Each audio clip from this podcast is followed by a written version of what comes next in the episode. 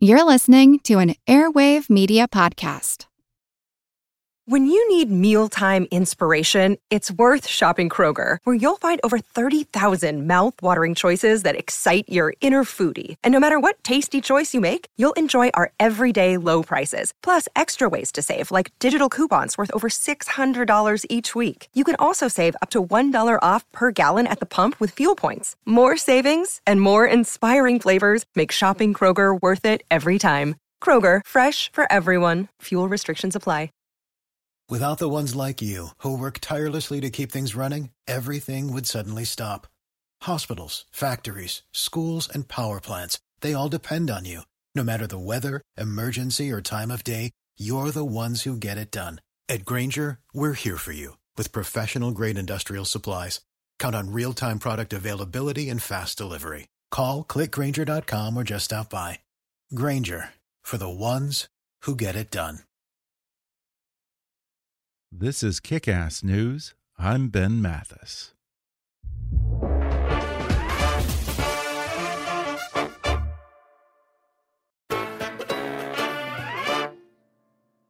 Well, folks, it's been a hell of a year. Or maybe I should say it's been a year of hell. 2020 introduced us to COVID 19, quarantine life, and extreme economic uncertainty.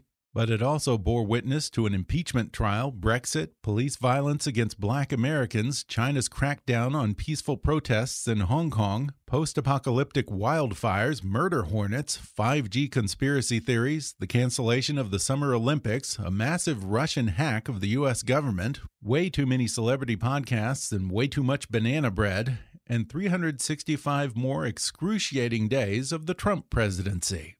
On the upside, the election hopefully put an end to said presidency once and for all. Harvey Weinstein went to prison, and we got a new season of The Crown.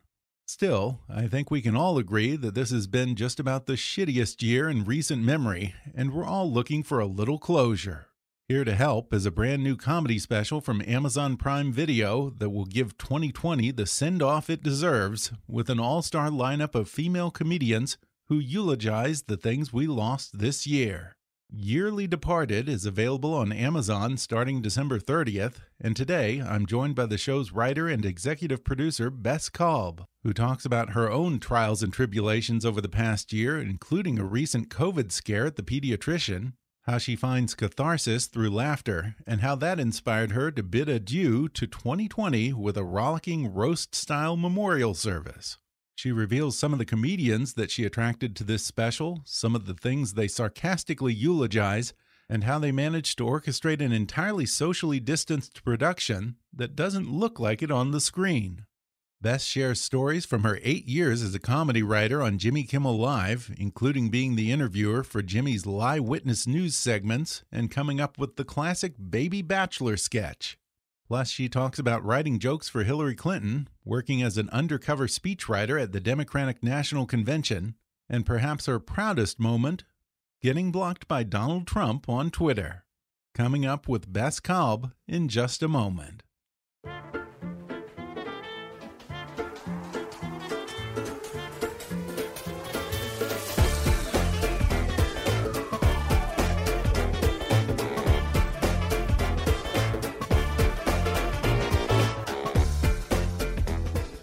Bess Kalb is an Emmy Award nominated comedy writer and best selling author of Nobody Will Tell You This But Me. She wrote for eight years on Jimmy Kimmel Live and was a regular man on the streets correspondent for Kimmel's Lie Witness News segment before leaving the show to adapt her book into a movie. She received a WGA award in 2016, wrote for the Emmy Awards telecast in 2012 and 2016, and for the Academy Awards in 2017 and 2018. She has written jokes for Hillary Clinton and wrote speeches for the 2020 Democratic National Convention.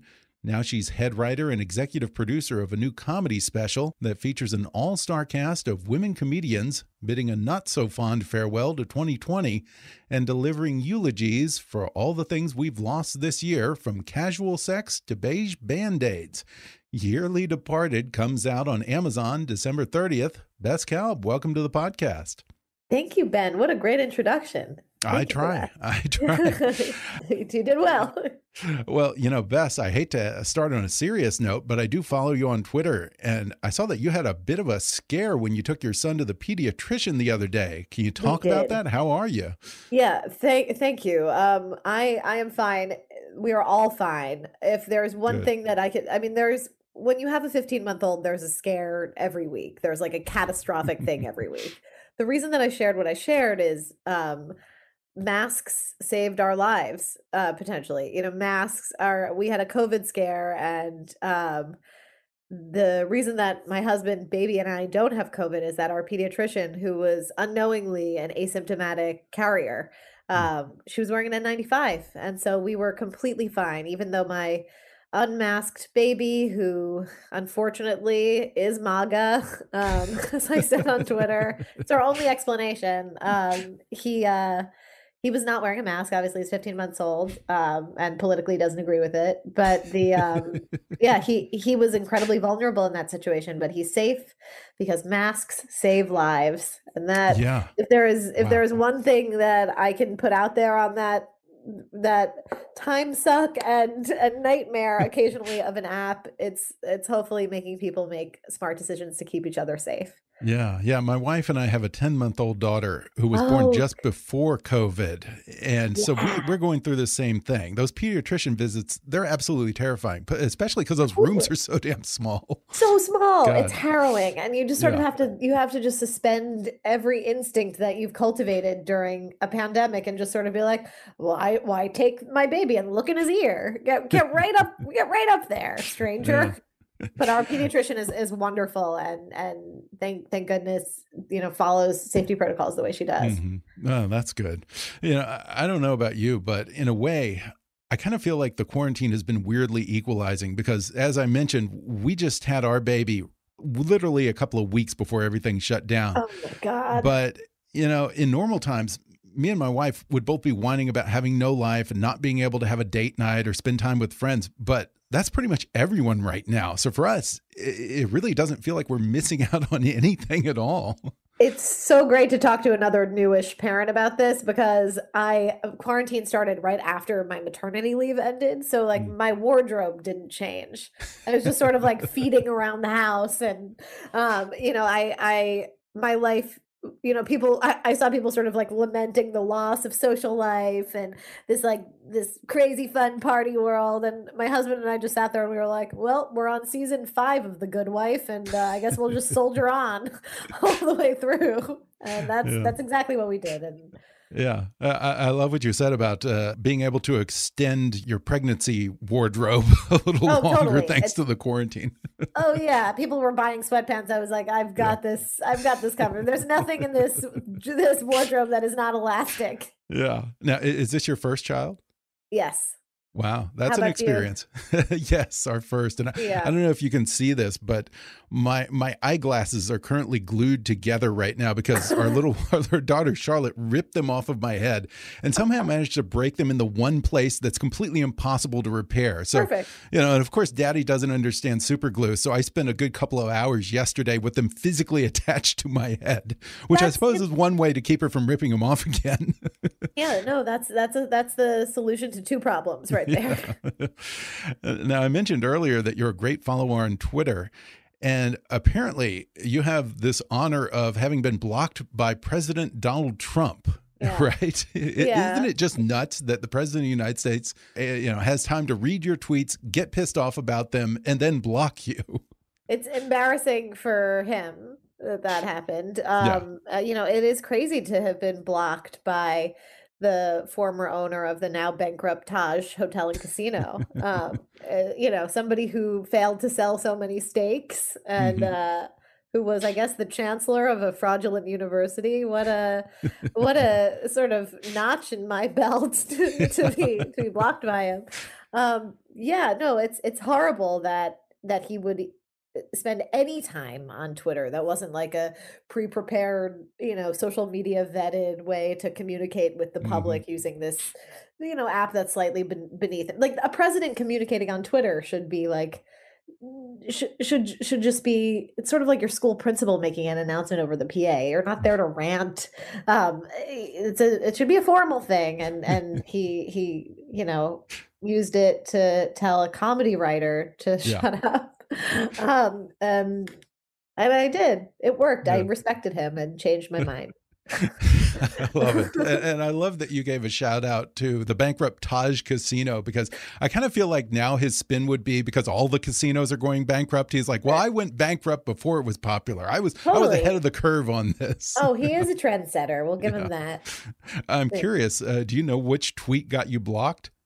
Um, I I should I should know that. I, I um I, I don't. I know that at the time I was channeling my frustration with his tweets and and not just with him but the fact that he would he would take to social media like a 14 year old to um to sort of like vent about uh, you know how misunderstood he was and I, uh, which is honestly something that I said that is really offensive to the 14 year old community.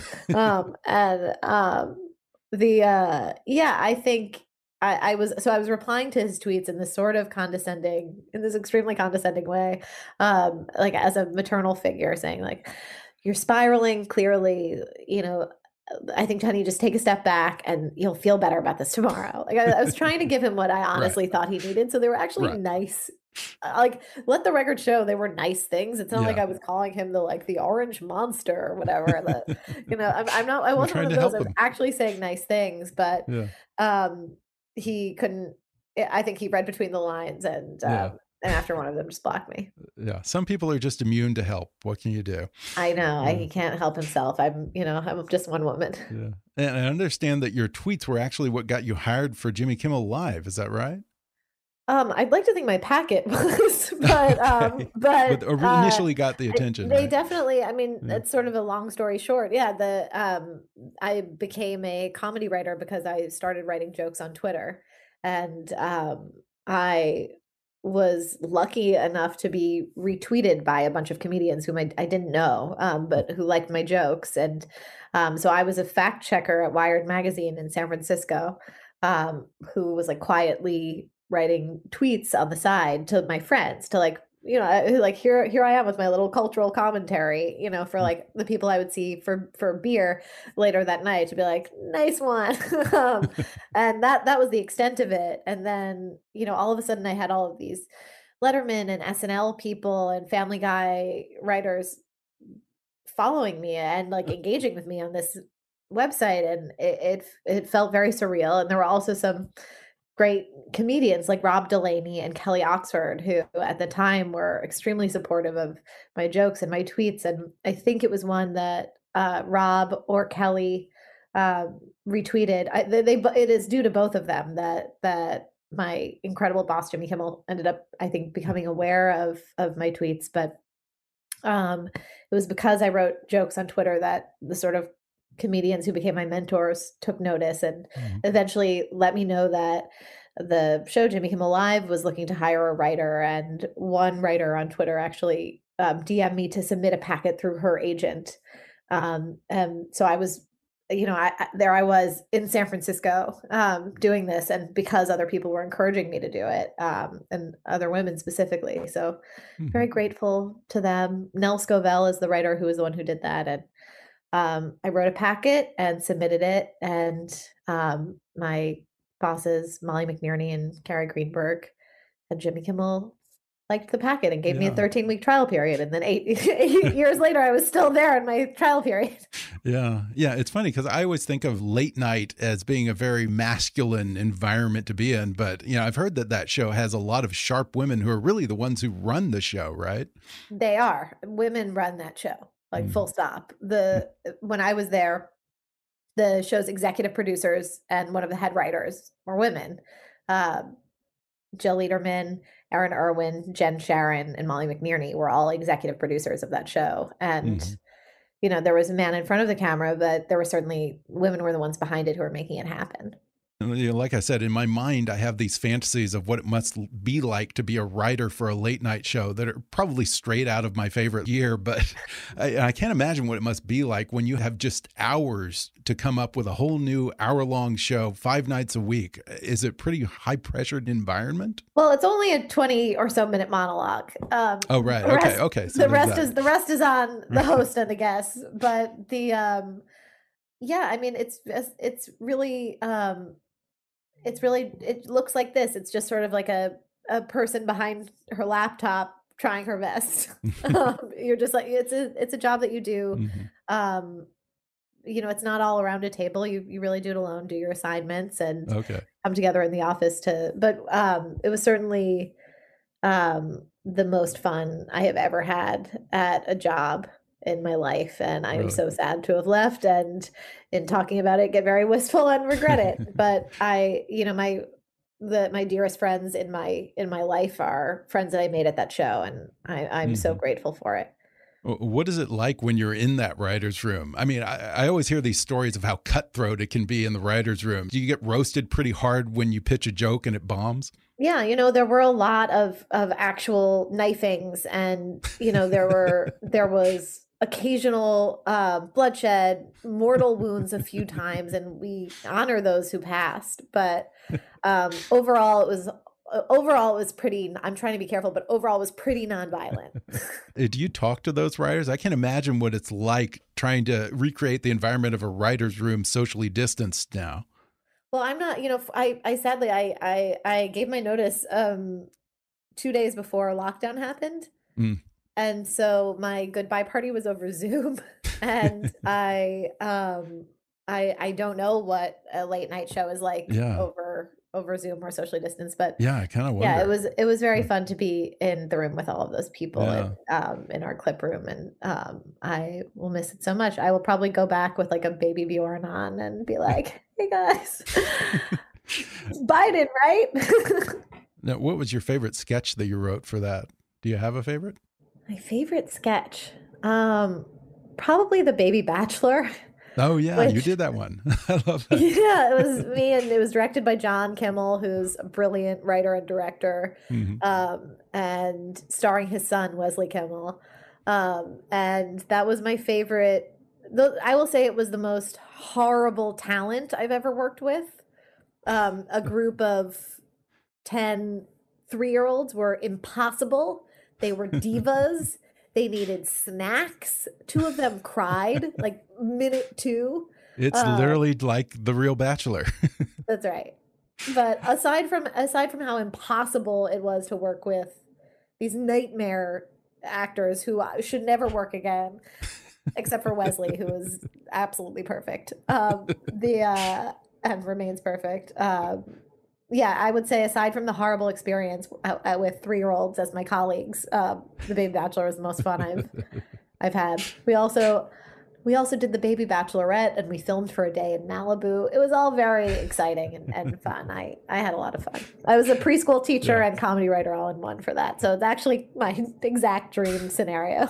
and, and now you also did a lot of those man on the streets bits, right? Uh, did you ever have days where you went out there and, and, I don't know, it was just like pulling teeth. You felt like you came back to the studio empty-handed. Um, no, I mean, I I would never know on those shoots. I mean, the oh, yeah. crew on those shoots and directors on those shoots were the hardest working people that I have ever had the like privilege to work with. That you know, I was always I would always be like, we don't have anything, and they would be like, no, no, we have we have it. Um, I would always I would always be like, let's shoot more unless I, I was doing someone I was like seven months pregnant, um, and I was like, I don't know if we have wow. it. And they were like, sit down, we're going in. um, but the um, yeah, I I think those were a really fascinating glimpse into a wide cross section of America. We mm-hmm. shot on Hollywood and Highland, which is the Times Square of of LA.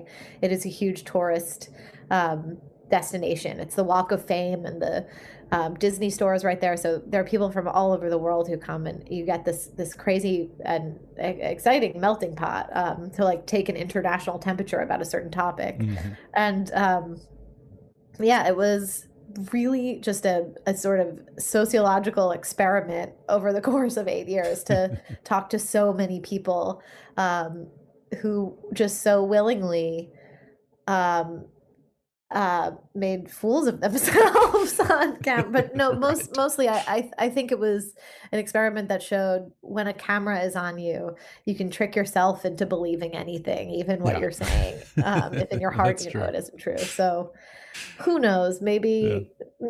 maybe it, it, made people laugh, and I, I'm I'm glad to provide that entertainment um, as just the like faceless correspondent with holding the microphone. Um, but if it also made people understand something about Americans and about people's tendency to lie, then mm-hmm. then that's good too. And I, I wasn't the only one doing those. All of the writers right, right. did Lie Witness News and, and were so brilliant at it. And yeah. Yeah. But I think you're right. I think it does kind of say something about where we are as a culture right now, and particularly a certain segment of the society that kind of will go along with anything if someone with some modicum of authority states it to them. I, it, it's it's absolutely a, a, an experiment that that proves that you know you, mm -hmm. I and I also I'm not somebody who like was wearing a suit or I would often just be there and like jeans and a flannel and my sneakers. I I looked like a comedy writer, but um, uh, you know, I wasn't like Jake Tapper interviewing people. But right. I think it was the it was the camera and the microphone in their face. Who knows? Yeah. Um, I was glad to be able to deliver about two and a half minutes of comedy yeah. when the monologue, you know, if like that was what my job was in that day's monologue. So, but looking back on it, yeah, people are people are dumb. We're going to take a quick break and then we'll return with more when we come back in just a moment.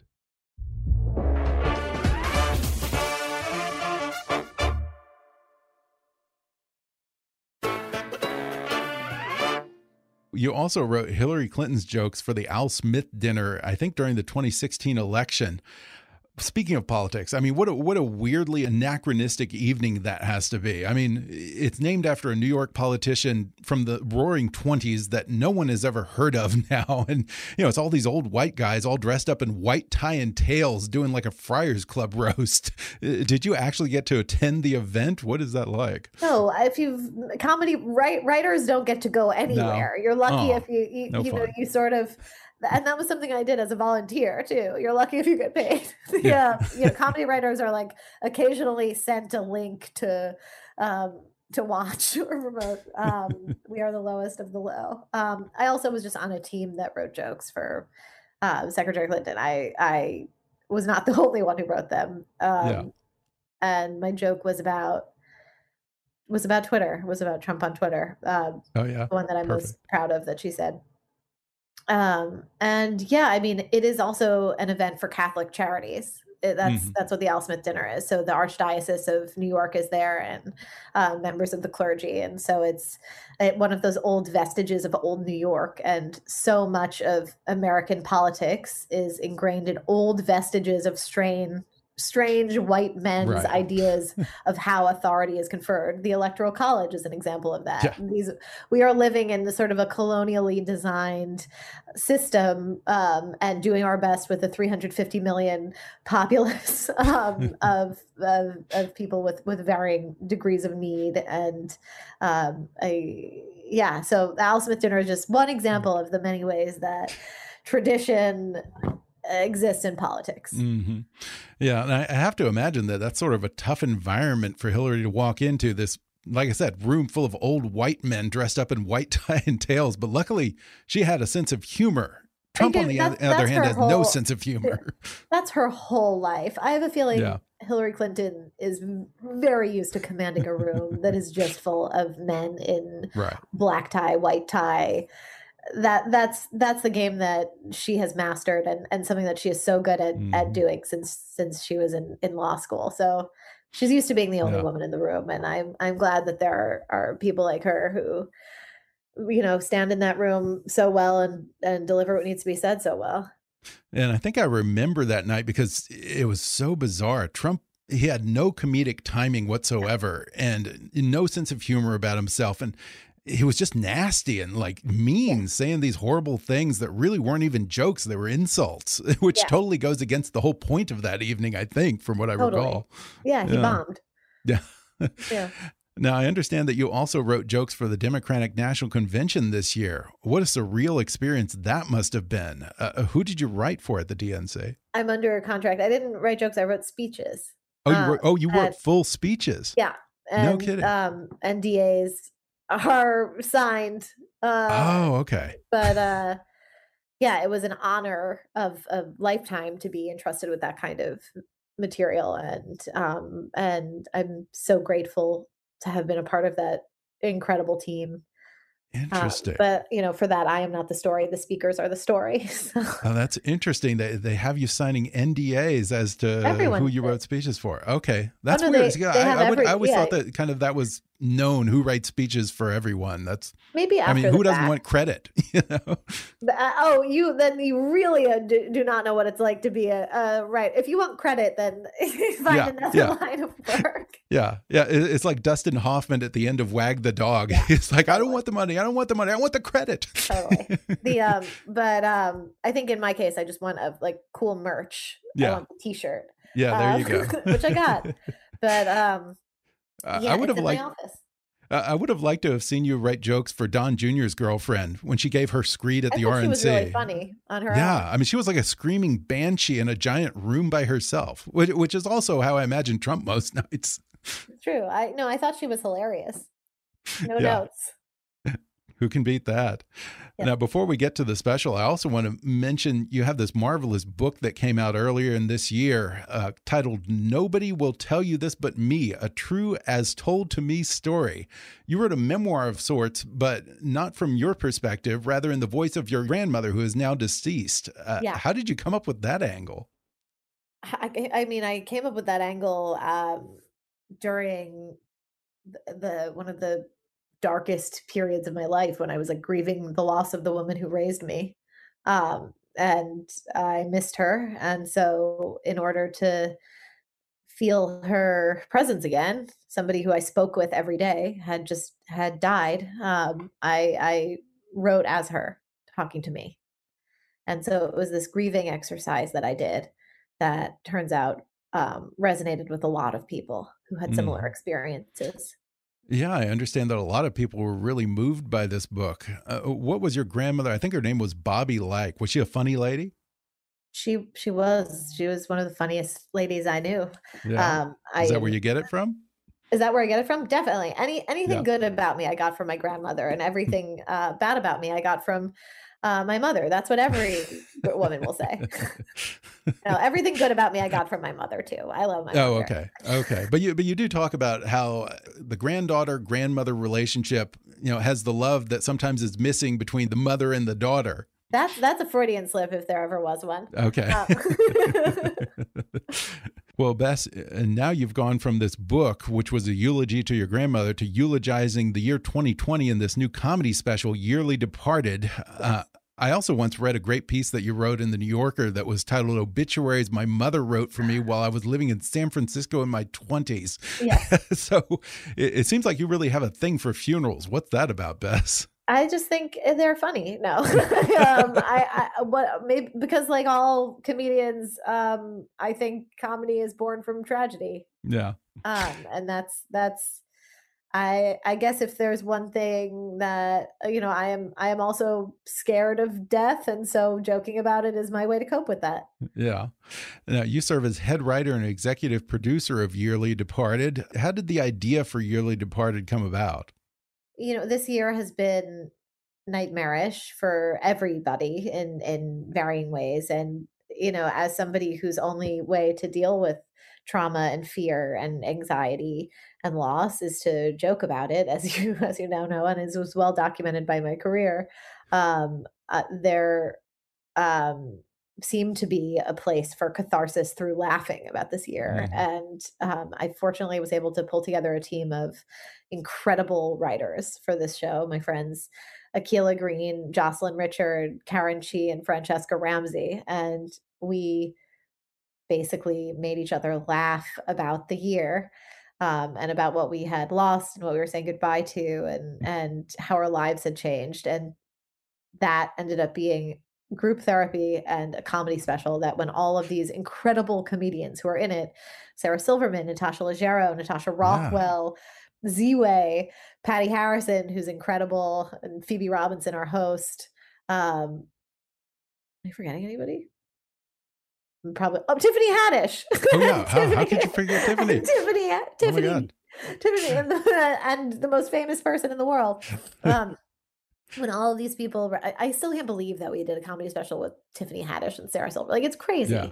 Um, but that when these people read it, they were like, "Yes, that is that is that is how mm-hmm. we process the year too. That is yeah. how that is how we want to make ourselves feel better and make other people feel better about it. And so, like, let's make this material into a show. Let's let's say let's do it and um, our incredible executive producers rachel brosnahan and paige simpson um, brought it to amazon and amazon studios has you know as you know is uh, anyone who listens to this if you've enjoyed fleabag or catastrophe maisel like these are these are shows that are changing comedy uh, for the mm-hmm. better and um, they were just so on board and, and so incredible about this process and they totally got the need for laughing about laughing about this year and um i'm yeah. so grateful for like the team of people who made this happen yeah, and, good for you for bringing on board uh, uh, at least half of the cast that is non-white. Because uh, you know, aside from the fact that they're very funny and talented ladies, did you sort of feel like a roast of 2020 would fall a little flat if you didn't have a strong black voice there? Um, I I don't know if I'd characterize it that way, but I definitely okay. think that representation matters and and something is funny if it represents the broadest swath of humanity and like mm. resonates with the broadest audience possible like if, if people feel like their experiences are reflected back at them and right um so out of like out of being genuinely interested in representing other people's voices than my own um as somebody who's very sick of her own voice and um uh and constantly it, checking myself to make sure I feel like other people are included and welcome and enjoying themselves. Like let's let's let's make sure that it's not mm-hmm. just a special written by and starring people who look like me. Like that's we have had plenty of that and um on to the next and like it takes um it's also just these are the these are the most talented writers that I know. Um and these are the most talented comedians. So this was this was something that yeah. came together pretty naturally in the way that it did, and I'm glad that I'm glad that you know representation is such a big part of it. Our executive producer, Paige Simpson, is a is a force behind that as well. Um, um, yeah, I'm super proud of the special and so excited to have worked with this incredible team and incredible group of talent. Had you worked with all these comedians before this? No, I had never. I had I had worked with Patti Harrison before. Um, okay, but um, and then fans of the others, and you know had like spoken with them with many of them um, and like we follow each other on twitter there were a few like hmm. dms that i slid into to ask to be in this um, and um, which is crazy but um, and apologies but thank you um, and yeah that's this was a this was such fantasy wish fulfillment. It's mm. like it's like being slightly into basketball as a kid and like being on your rec team, and then all of a sudden you like organize a fantasy like game at your house with Michael Jordan and Scottie right. Pippen. Like it's it's crazy that I got yeah. to do this. Yeah, it's a dream team, no doubt about yeah, it. It's a full dream team. It doesn't yeah. make any sense.